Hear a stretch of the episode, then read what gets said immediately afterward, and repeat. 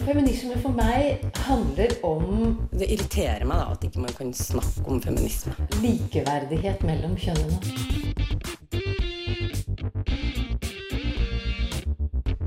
Det blikket på kvinnen på film. Det handlet om å bli tatt på alvor som jente.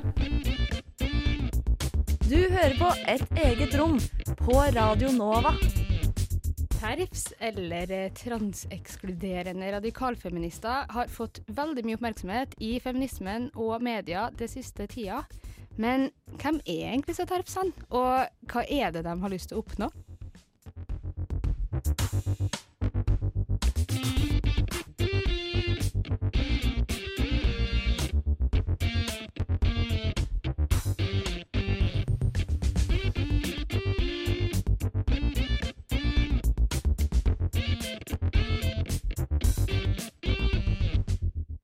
Ja, du hører på et eget rom, og i dag så er jeg litt gira, fordi vi har ikke én, men to nye Et eget rommere i studio, og det er så gøy! Den første, det er Andrea Berg. Har du lyst til å si hei? Hallo, hallo. og det er Robin Breie. Hallo. Ja, hvordan føles det, folkens? Det er veldig gøy. Jeg har jo vært med i Radio Nova før, men uh, nytt, uh, ny redaksjon for meg, nytt program. Det er veldig spennende. Ja, jeg har ikke vært med i Radio Nova før. Eh, det er liksom Ja, det å sitte i studio er veldig nytt for meg, så jeg merker at jeg har litt høy puls, men jeg tror det skal gå veldig bra. Det tror jeg også. Jeg tror det skal gå veldig bra. Og jeg tenker det er jo et spennende tema da, som dere har valgt å liksom hoppe ut i det her med. Det er TERFs, eller transekskluderende radikalfeminister. Veldig mange tunge ord i det begrepet der, om man kan kalle det det, som vi skal prøve å komme litt inn på litt etter hvert. Men før vi gjør det, eh, hvor starta egentlig dette her, folkens? Det er jo kjempevanskelig å prate om liksom hvor det startet, men eh, som du sier, det står for transekskluderende radikalfeminist. Sånn det har jo vært en type underliggende tankegang i eh, den radikale feminismen eh, en stund. Og så liksom så lenge det har eksistert transpersoner, og da særlig transkvinner, som pleier å være fokuspunktet, så vil jeg jo tro at den transekskluderende feminismen alltid på en måte har gått litt hånd i hånd, som et motstykke. Mm. Og akkurat dette begrepet det, Man så jo også et behov for å skille eh, om man kan si vanlige radikale feminister fra eh, de som eh, var opptatt av å ekskludere transpersoner. Mm. Mm. Ja, det er jo litt som det som er essensen her, at det er radikalfeminister som ek ekskluderer transkvinner fra kvinnerom. Eh, er det en fair, sånn veldig overordna Ja, jeg Ja. tror det. At det er eh, Det er ikke alle som mener at transpersoner ikke burde få eksistere. eh, men eh, alle mener at transpersoner ikke kan kalles kvinner. Punktum. Ja. Vi skal snart gå mer inn på hva begrepet terf betyr og sånt, men aller først så skal vi få høre litt musikk. Så da blir det Sassy Crime Spree med Naps.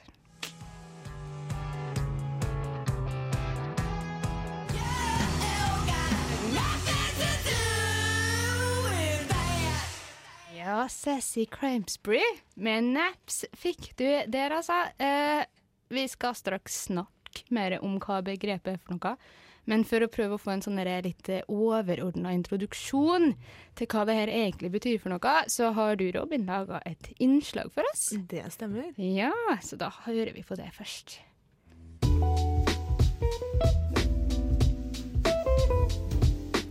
Til jul 2016 fikk Mathilde Dekan et gavekort på et fint spa i Oslo.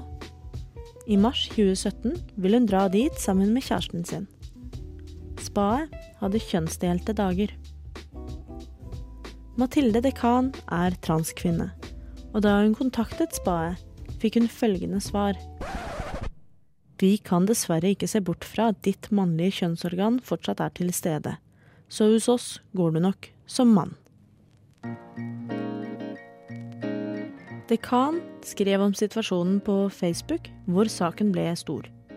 Snart etterpå var det skrevet artikler i både Dagsavisen og Aftenposten. Hvor skulle egentlig grensa gå, når en transdame bare ønsket å dra på spa med andre damer? er det egentlig greit at transkvinner får tre inn i kvinners trygge rom? Det er det ikke alle som synes. Noen av motstanderne er mer høylytte enn andre, og siden 2017 har en debatt ulmet og grodd. Nå, i 2018, tyder mye på at denne debatten har slått ut i full blomst, nemlig transdebatten. Og med den gjorde begrepet TERF sitt inntog i det norske mediebildet. Så hva betyr egentlig TERF? Hvem er de, og hvor kommer de fra?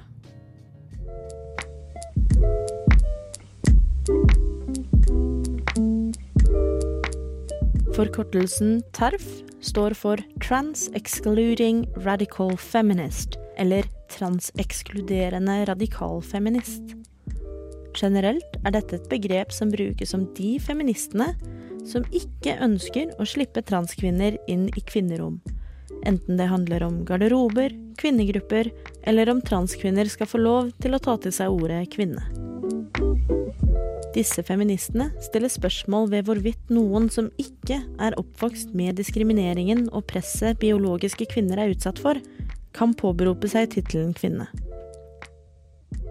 Mange feminister anser TERF-begrepet som et skjellsord, og få radikale feminister identifiserer seg nødvendigvis med begrepet. Det er på ingen måte slik at alle radikale feminister er terfer.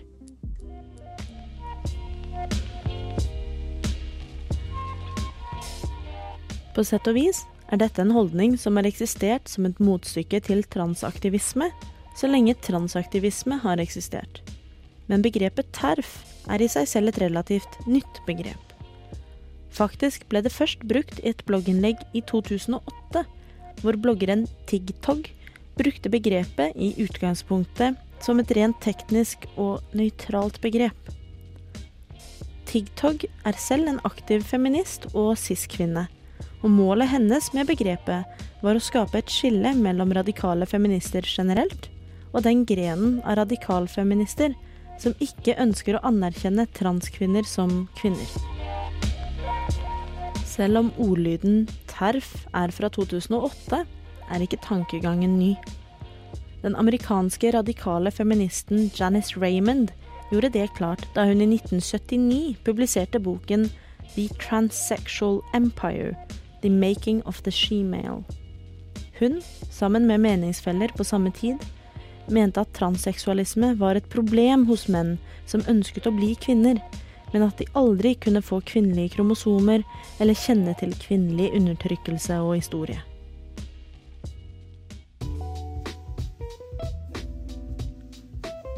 Etter dekans ubehagelige opplevelse i 2017 har det blitt skrevet flere og flere saker om norsk og internasjonal transpolitikk i norske medier. Ivrige samfunnsdebattanter har tatt til orde mot transpersoners kvinnerettigheter, som radikalfeminist Kari Jakkesson. I en kronikk i Dagbladet 24.07 i år sier Jakkesson følgende. En DNA-prøve vil dog alltid vise at han er en mann. Han kan ikke inkluderes i de bevegelsene, kvotene og sikre rommene som er reservert for kvinner. Det er konkrete årsaker til at vi har måttet etablere slikt. Så er jeg i så måte TERF.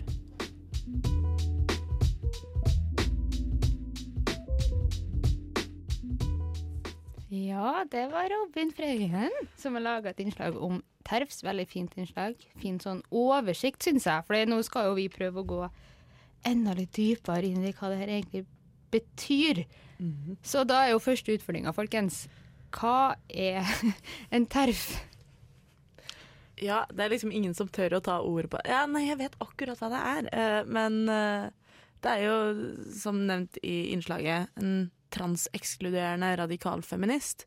Og så blir jo spørsmålet typ Hvordan ekskluderer man trans og er feminist samtidig, og hvordan eh, har det med hverandre å gjøre, da? For det er litt viktig, som jeg også sa i innslaget, å påpeke at ikke alle radikalfeminister er terfer. Og det er heller ikke sånn at uh, alle terfer er utprega transfobiske, sånn æsj, trans er ekkelt, liksom. Men uh, likevel, da, så er det jo en tydelig tankegang der Uh, som er bunna i feministiske ideer. Det at eh, transkvinner ikke er ekte kvinner, da. Mm, men altså sånn Hva er det med kvinner, da, for å, for å bruke det, som på en måte Terps føler at transkvinner ikke er? Altså Det må jo være noe de tenker altså i hermetegn mangler her. Eh, for det, sånn de prater, så virker det jo litt av og til som at de ikke oppfyller kravene for å være kvinne. på en måte. Altså Alt det der var sagt i hermetegn. Men, så det er jo et annet her som de føler ikke er nok. Mm. Det som, eh, det som mange eh, som vi ville kalle terfer, da, og det er jo et annet spørsmål, finnes det egentlig en Fins det terfer? Altså det mange, de som vi vil kalle terfer, vil jo ofte kalle seg selv eh, noe annet, fordi de syns at terf er et eh, skjellsord. Eh, men, men, det mange terfer snakker om, er at eh, transkvinner de har ikke vokst opp som kvinner. Så de har liksom ikke Enten så er det det at de mangler vagina, eller så er det det at de ikke har eh, liksom hatt den der eh, lidelsen som du må gjennom hvis du vokser opp med en vagina. Så det er liksom eh, mm. Så det er på en måte både en biologisk forklaring, i og med at man ikke har vagina, og så litt mer sånn sosial, da.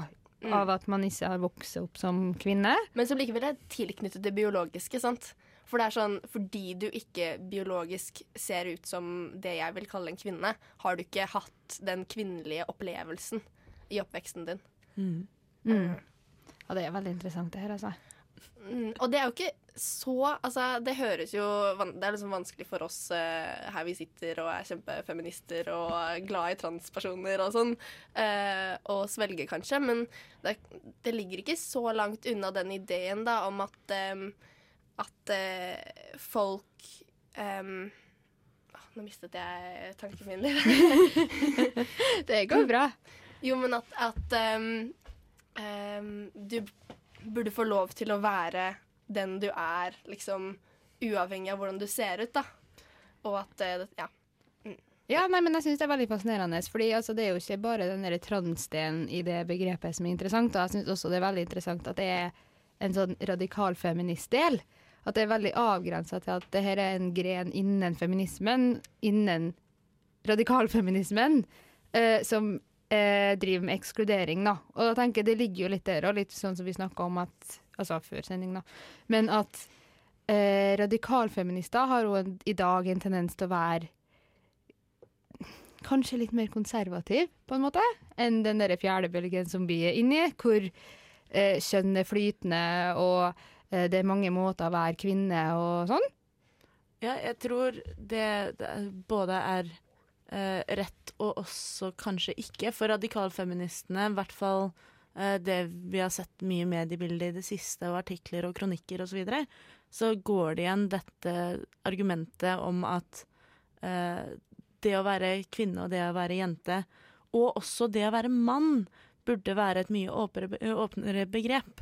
Sånn at argumentet som ofte går igjen, selv om vi skal snakke mer om argumentasjon senere også, er jo det at du trenger ikke være kvinne for å være feminin, og at det er mye det at du skal få lov til å være en feminin mann. Mm. Men da blir jo spørsmålet hva gjør en kvinne til en kvinne?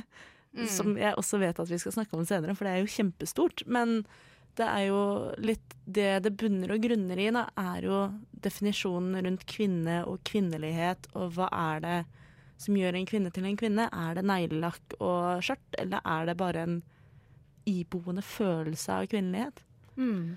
Mm. Og hvis vi, liksom, hvis vi, skal gå ut og si at vi, vi, er opptatt av hvordan det oppleves å være kvinne, og at det er liksom opplevelsesdelen som er det viktige, og det var egentlig det jeg skulle si i stad, så, så, kan man jo faktisk argumentere for at disse terfene har et poeng. Mm. At det er ikke eh, hvordan du ser ut biologisk, eller hvordan du klarer å endre deg selv biologisk, som har noe å si, men hva slags opplevelse du har hatt.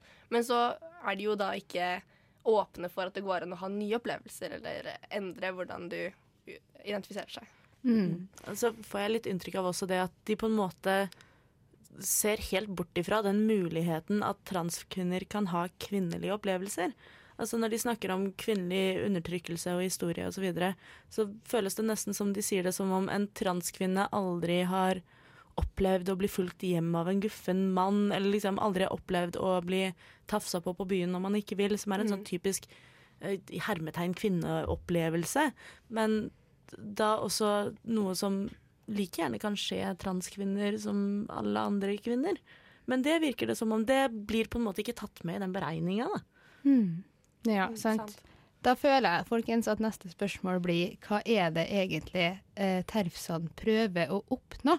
Eh, men den skal vi snakke litt om veldig snart. Men før det så skal vi høre litt musikk fra 19 år gamle Moli.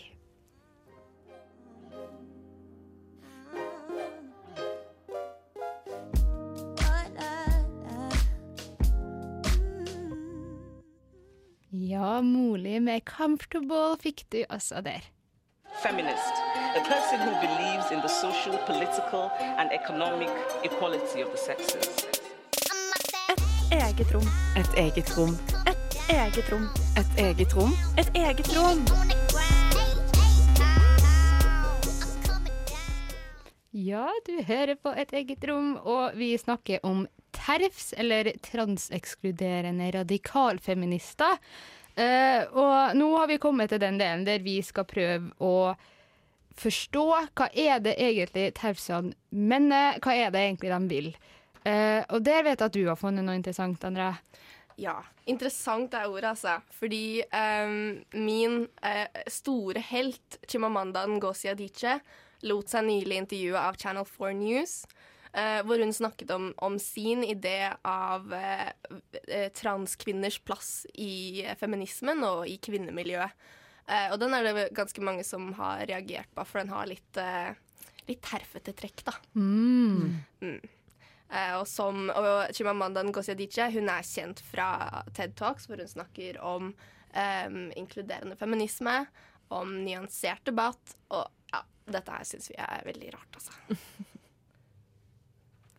Um, I think that if, I think the whole problem of, of gender in the world is about our experiences. It's not about how we wear our hair or whether we have a vagina or a penis. It's about the way the world treats us. Uh, I'm saying this also with sort of a, certainty that transgendered people should be allowed to be, right? But I, I think it's I don't think it's a good thing to conflate everything into one. I don't think it's a good thing to talk about women's issues being exactly the same as the issues of trans women because I don't think that's true.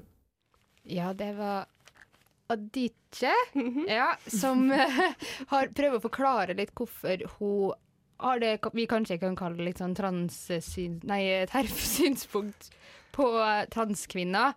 Eh, og litt det hun sier her, om jeg har forstått det riktig, er vel det at hun mener at transkvinner er en gruppe som er undertrykt, men at man må skille mellom transkvinner og altså i hermetegn kvinner, da, som hun sier. Mm. Eh, fordi hun mener det er ulikheter i opplevelser man har hatt. Ja. Ja. Mm, det er ganske interessant. Um, det, jeg, jeg høres kanskje litt sånn dømmende ut i min introduksjon av denne eh, dette klippet. Det er jo egentlig et ganske nyansert uh, perspektiv hun kommer med, og hun snakker om en, noe av det vi snakket om i stad, egentlig, som handler om dette med opplevelse, og hva det er som, eh, som definerer det å være en kvinne. Um, men så har hun også utenfor dette intervjuet eh, blitt spurt um, um, hva mener du at eh, transkvinner er kvinner? Og da har hun svart trans women are trans women. Mm. Mm. Ja, for det jeg tenkte da jeg hørte dette klippet første gang, er jo det at eh, sånn rent instinktivt så får det meg ikke til å tenne på alle plugger. Sånn, det er ikke det at jeg hørte dette og tenkte nei, det er helt feil. For hun sier jo at hun syns at transpersoner skal ha retten til å eksistere, altså de skal ha retten til å være. Men så kommer hun med dette poenget at eh, transkvinners problemer er ikke kvinneproblemer, eh, i den forstand, da. Og det er der det skurrer litt. Sånn at, eh, og som Andrea sier dette med at hun senere uttalte at transkvinner er transkvinner, blir en litt sånn problematisk eh, innstilling da, å ha. Eh, hvor på en måte det å være kvinne blir litt sånn trademark. Dette er copyright er bare, bare vi kvinner får være kvinner. Mens transkvinner må være transkvinner alltid. Mm. Ja, fordi litt det jeg lurer på her, da, er hva er det egentlig TERFs prøver å oppnå? Klarer vi å si noe om det? Hva er det egentlig som er målet deres her? Hvorfor har vi hatt masse innlegg i, i Dagbladet og i Aftenposten og gud vet meg hva, hvor de forteller om hvorfor transkvinner ikke er kvinner. Hva er det som er målet her? Det har jeg spurt meg selv mange ganger. Ja. Hva, er det, hva er det dere vil oppnå med dette? For noen ganger så virker det som om det er litt sånn å kaste stein bare for å kaste stein, liksom. Sånn eh, her Jeg er kvinne, hør meg brøle, uh, du får ikke være med, på en måte. Men det er jo ikke nødvendigvis sånn. Det er jo ikke helt uprovosert. Jeg tror Ja, det er veldig lett å tenke at uh, terfer bare er transfober, sånn som Mm. du sier. Men uh, jeg tror Jeg syns egentlig liksom idealsamfunnet som en del terfer snakker om, er ganske appellerende. Det er et samfunn hvor um, uh, kvinner og menn og alt imellom kan ha et stort spektrum også innenfor seg selv. At man ikke trenger å, å tilhøre de kjønnsnormene som eh, vi lever i i dag. Eh, og at hvis du eh, som mann identifiserer deg som så feminin og så mot liksom kvinne, kvinnerollen eh, at du nesten føler at du er kvinne, så skal du kunne få være det i mannekroppen din. At du ikke må trenge å fikse deg selv for å, å bli bra nok. Og det er jo egentlig en fin tanke, da. At ikke folk skulle, skulle måtte endre på seg selv um, for å bli akseptert av samfunnet. Ja.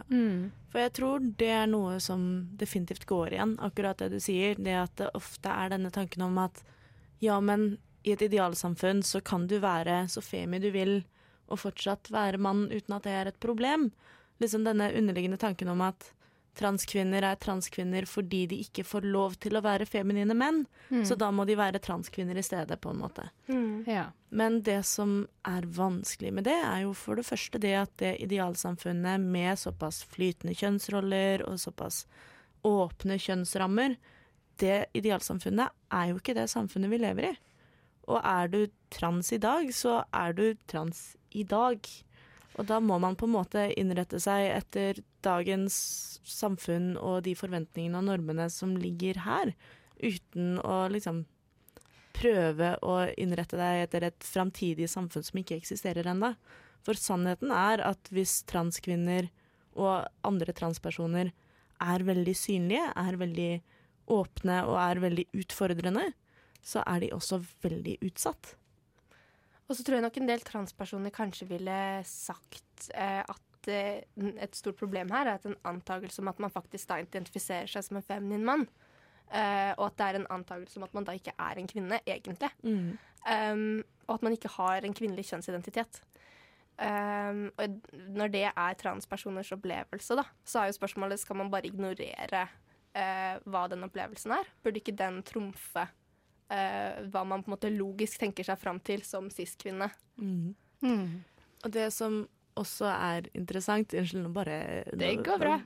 Løper jeg av gårde her. Men uh, det som også er interessant, er jo dette argumentet som kommer igjen hos mange norske terfer i det norske mediebildet osv., er dette med at transkvinner kan ikke vise til faktisk konkret forskning, for det å i hermetegn føle seg kvinne er ikke noe som kan måles på noen måte.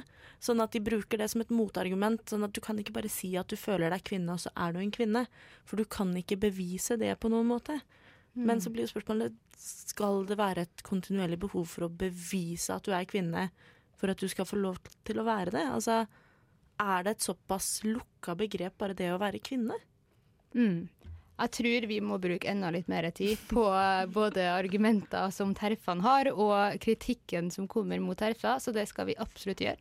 Men eh, før det så skal vi få høre 'Verdt å dø for' av Blomst. Der er verdt å dø for,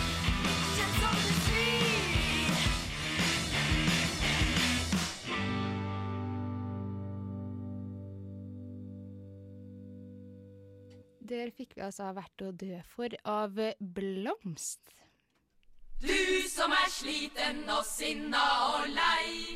Nå vil vi synge ei vise til deg om at kvinner kan si fra, protestere og slåss. Bli med hos oss.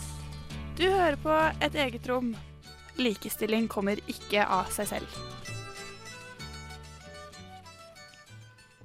Ja, du hører på et eget rom. Eh, vi har jo nå prøvd å bruke litt tida på eh, hva en terf kanskje er, hvordan tanker en TERF har, og det skal vi fortsette med litt videre, for det tror jeg vi trenger å bruke mer tida på. Men før det så skal vi høre et dikt, vil jeg kanskje kalle det, eh, av Riley Zahn, som var publisert på YouTube av Burton Party nå i år.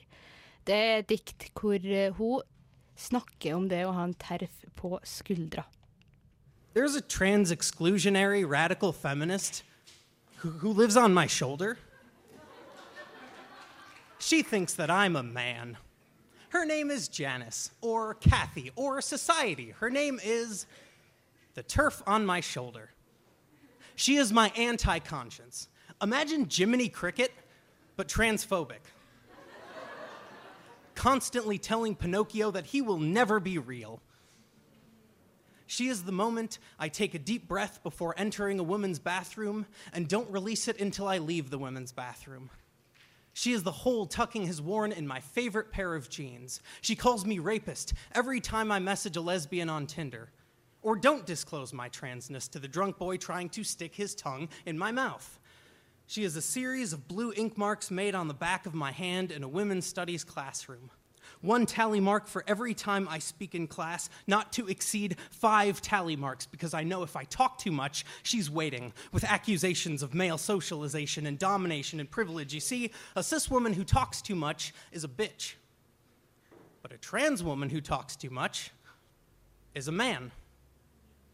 So I make tally marks.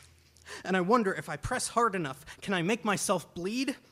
She tells me you can't be a real woman if you don't bleed. And I've faced similar oppression as her. Look, I've even kept the receipts. I've framed them and hung them above the mantel as proof of my oppression. Look, one for every idea taken out of my mouth and pinned to the lapel of a male colleague. One for every disapproving stare while holding the hand of someone who is not a man. One for every time a strange man followed me home holding my safety in the palm of his hand, his male gaze singeing the hairs on the back of my neck. And I show her the receipts, but she will not accept them. She keeps saying, I'm sorry, we don't accept isolated incidents here, only systematic oppression. And I keep telling her she's wrong about me, but she will not listen. And I keep telling her that I exist, and I am a woman, and I am real, and I am real, and I am real, but she will not listen. And every time I try to smash her,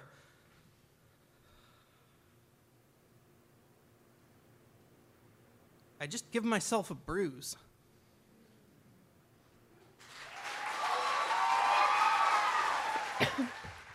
Ja, det var altså Riley Zahn, Zahn som har skrevet et ganske sterkt dikt, vil jeg si, eh, og framført det foran et publikum om akkurat det der å ha eh, turf on my shoulder, som hun sier, da, men kanskje litt det å ha en terf eh, i debatten, i media, i livet, som på en måte alltid forteller deg og dytter deg og sånn, på en måte. Mm.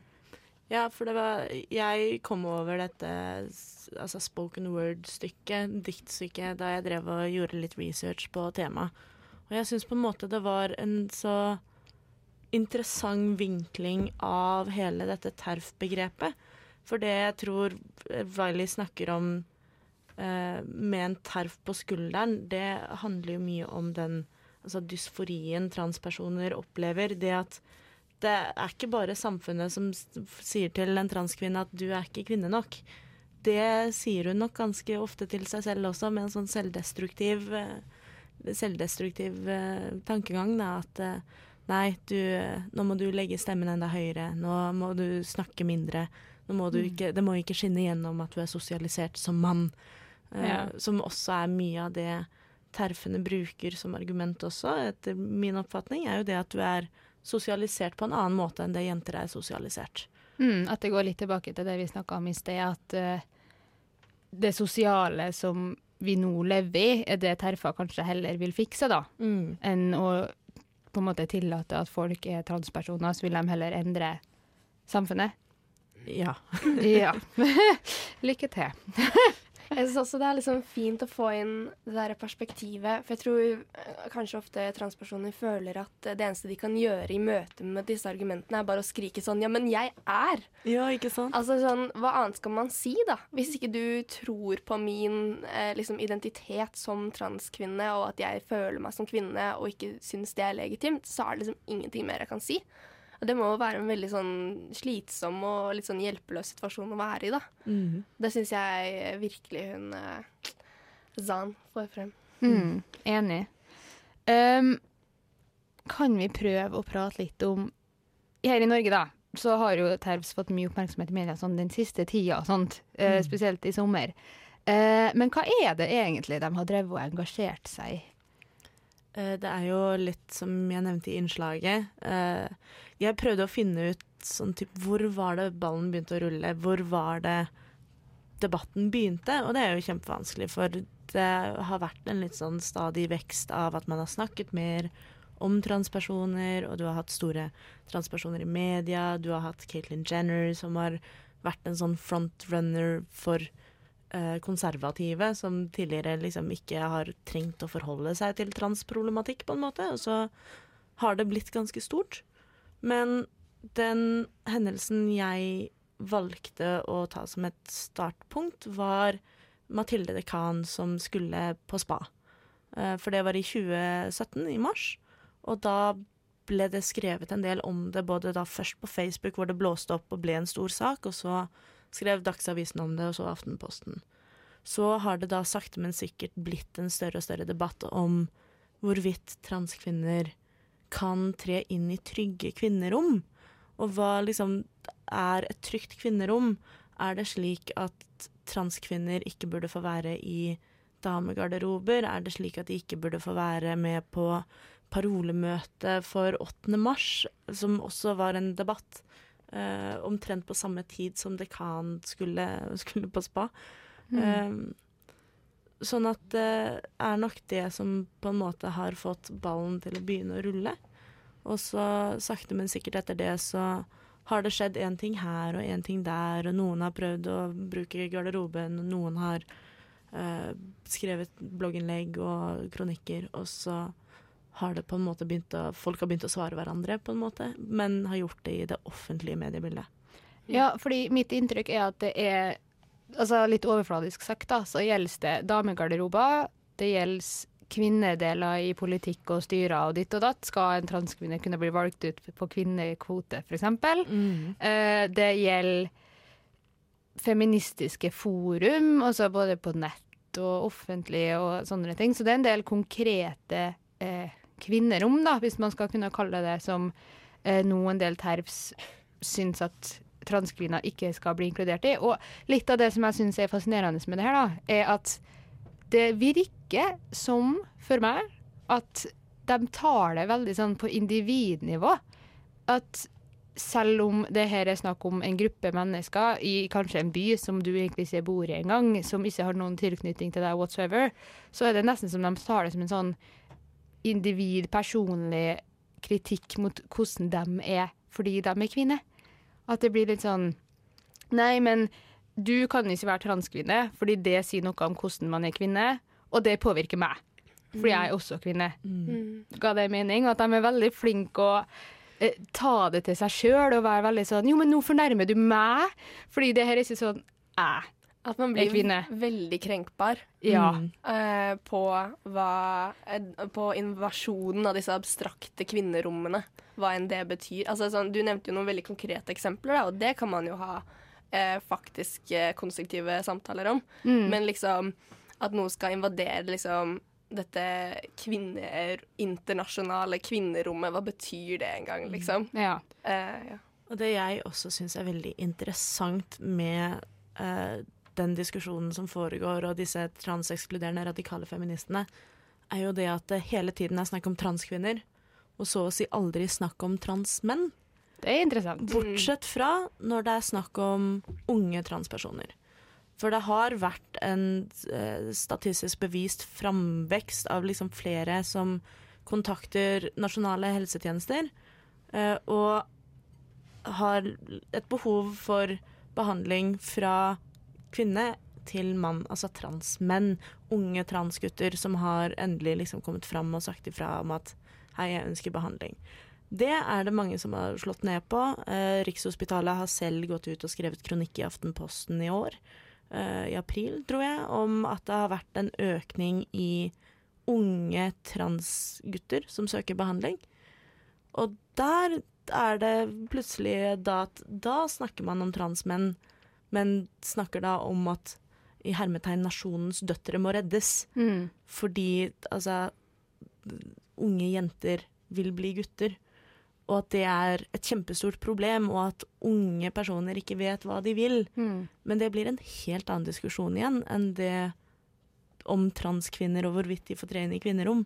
Ja. Selv om det er de, de samme personene som engasjerer seg i begge de diskusjonene, har jeg inntrykk av. det i hvert fall. Ja, ja, sant. Og så syns jeg det er litt interessant akkurat det der, fordi da har du på en måte, jeg vet ikke om man kan kalle det en undergren innen terf, eller hva man kan kalle det, men det er jo også en del eh, terf slash radikalfeminister, kall det hva du vil, som eh, ikke nødvendigvis mener at transkvinner ikke skal bli inkludert i kvinnerom, men at transkvinner må reddes før de blir transkvinner.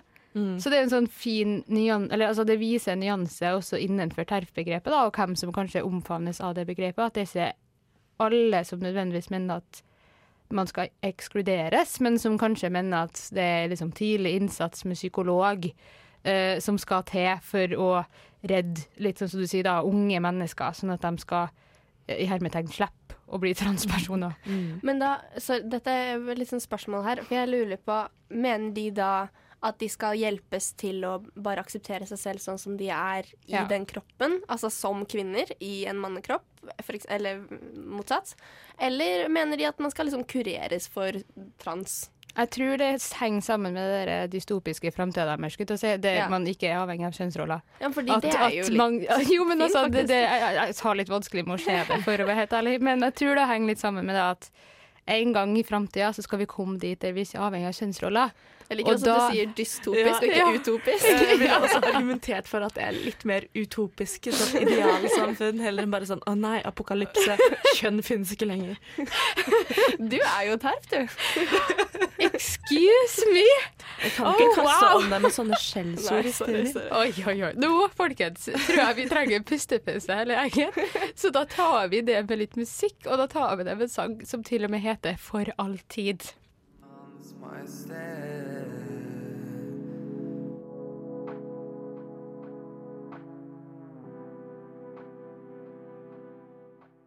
Ja, det var altså For all tid av Augustus. Um, har vi roa oss ned litt nå, eller? Har tatt en pustepause. Jeg har fått forklart hva dystopisk virkelig betyr. Det var veldig fint. Vi har alle klemt hverandre, og vi er venner igjen. Og... Ja.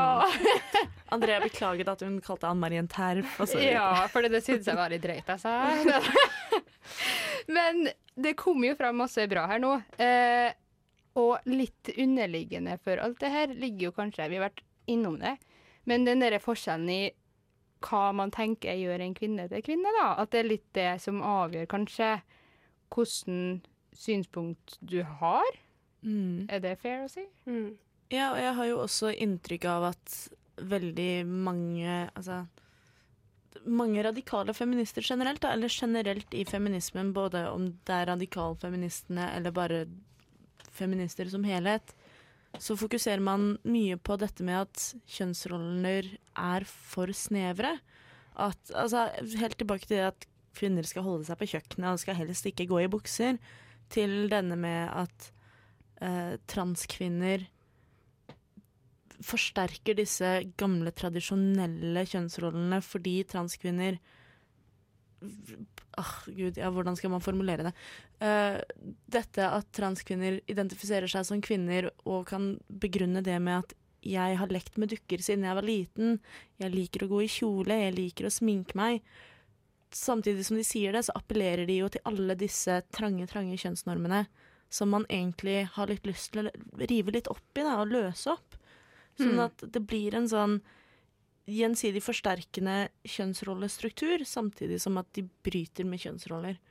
Så det er jo sånn sett veldig komplekst. Veldig komplekst. Og så føler jeg at uh, den debatten her kanskje er en av de debattene som fremhever at vi alle kanskje har en tendens til å altså, hermetegn, bruke de kjønnsrollene når det er gunstig for oss. da. Mm. Fordi du har på en måte feminister, og iallfall radikalfeminister, som er veldig flinke å fremheve det her som det her er et svært problem.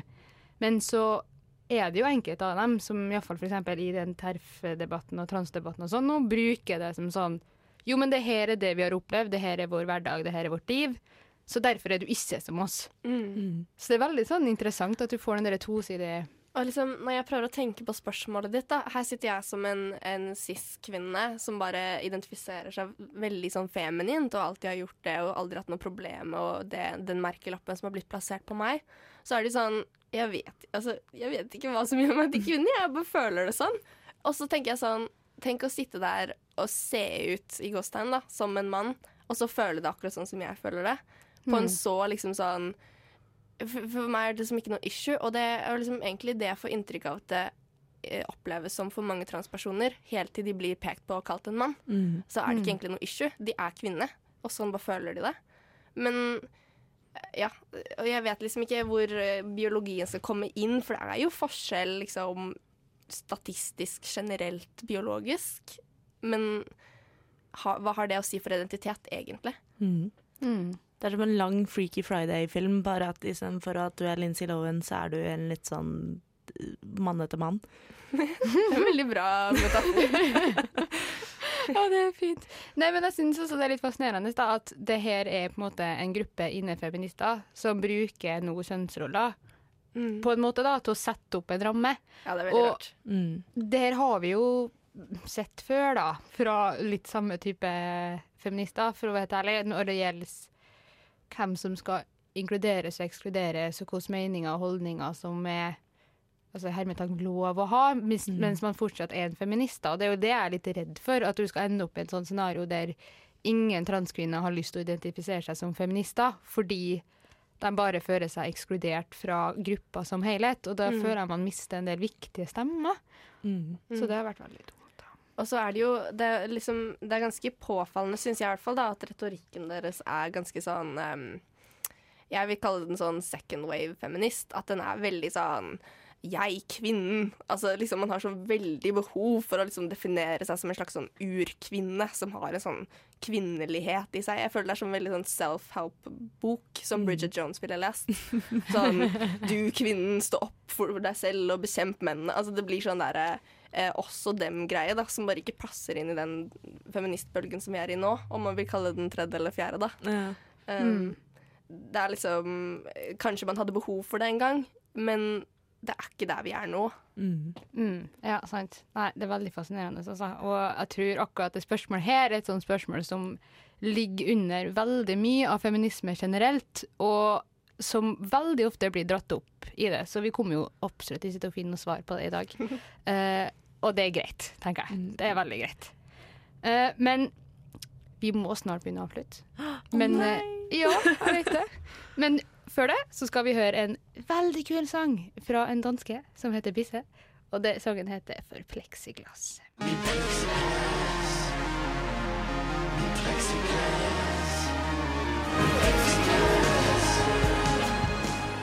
Ja, der fikk vi altså plexiglass med Bisse. Har vi noen siste oppsummerende tanker vi har lyst til å komme med? Uh, ja, altså Jeg syns jo det er viktig Vi snakket annet om Adiche, som er kjent for å være en sånn interseksjonal feminist som mener at liksom, feminisme skal handle på tvers av Særlig på tvers av rase, for hun er fra Nigeria. Nigeria, ja. uh, sånn at det er veldig viktig. Og så tenker jeg at da Men interseksjonal feminisme er jo ikke Altså, den er ikke riktig inkluderende hvis du velger å ekskludere transkvinner, da. At hvis du er en transekskluderende radikalfeminist, så kan du ikke i samme moment påstå at du er en interseksjonell feminist, i hvert fall. Og da blir jo spørsmålet sånn, hvis du skal plukke og velge hvem du vil inkludere i feminismen din, er det noen god feminisme? Mm. Jeg tror, det syns jeg er et veldig interessant poeng, altså. Fordi interseksjonalitet er jo, handler jo bare om å forstå det derre krysspresset folk som tilhører flere marginaliserte grupper, opplever, men alltid inkludere. Mm. Og så plutselig har hun valgt dette unntaket. Det syns jeg er litt spesielt. Og det syns jeg også er spesielt for feminister særlig de som identifiserer seg selv som radikale, eh, å komme med en så gammeldags tankegang som å bare si nei, du får ikke være med. Mm. Ja, så tenker jeg Det er jo ikke bare det som er gammeldags. Det er jo også gammeldags det der måten de bruker for jeg skulle til å si sortere hvem som får være med og ikke være med. At det er jo kjønnsroller som de ellers prøver å få bort, samtidig som at noen av dem argumenterer med biologi, ikke sant? som også er noe feminismen egentlig prøver å få til å være mindre Mm. betydelig. Så de bruker på en måte faktorer da, som man ellers egentlig ikke har lyst til at skal være vektlagt. Og så- men så har vi jo sittet her og brukt mye tid på Det er lett for oss å kritisere som ikke identifiserer oss som terfer. Eh, og så Jeg syns de har noen interessante poenger, og det er viktig å møte dem ordentlig. ikke sant? Hva slags samfunn er det de egentlig har lyst til å ha? Vi har jo vært innom det utopiet som, som vi syns egentlig var litt spennende, da. Um, så jeg syns det har vært en veldig interessant diskusjon å ha. For det jeg har lært i dag, i hvert fall, er jo at mye av argumentasjonen som ligger bak, dette med at kjønnsroller er for snevre, og at uh, man har en historie av undertrykkelse osv. som man på en måte ikke kan se bort ifra, det er jo veldig gode og rasjonelle og logiske argument. Det bare brukes mot en allerede marginalisert gruppe, som gjør at det blir litt problematisk. Mm. Det tror jeg må være siste ordet for eh, et eget rom i dag. Eh, I studio så har det vært Andrea Berg og Robin Frøyen og meg, Anne Marie Sundet. Og tekniker har vært alltid fantastiske Helje Svensson. Da får dere ha en god mandag videre. Du har hørt en podkast fra Et eget rom på Radio Nova. Vil du høre mer? Sjekk ut Et eget rom på Facebook, Instagram eller radionova.no.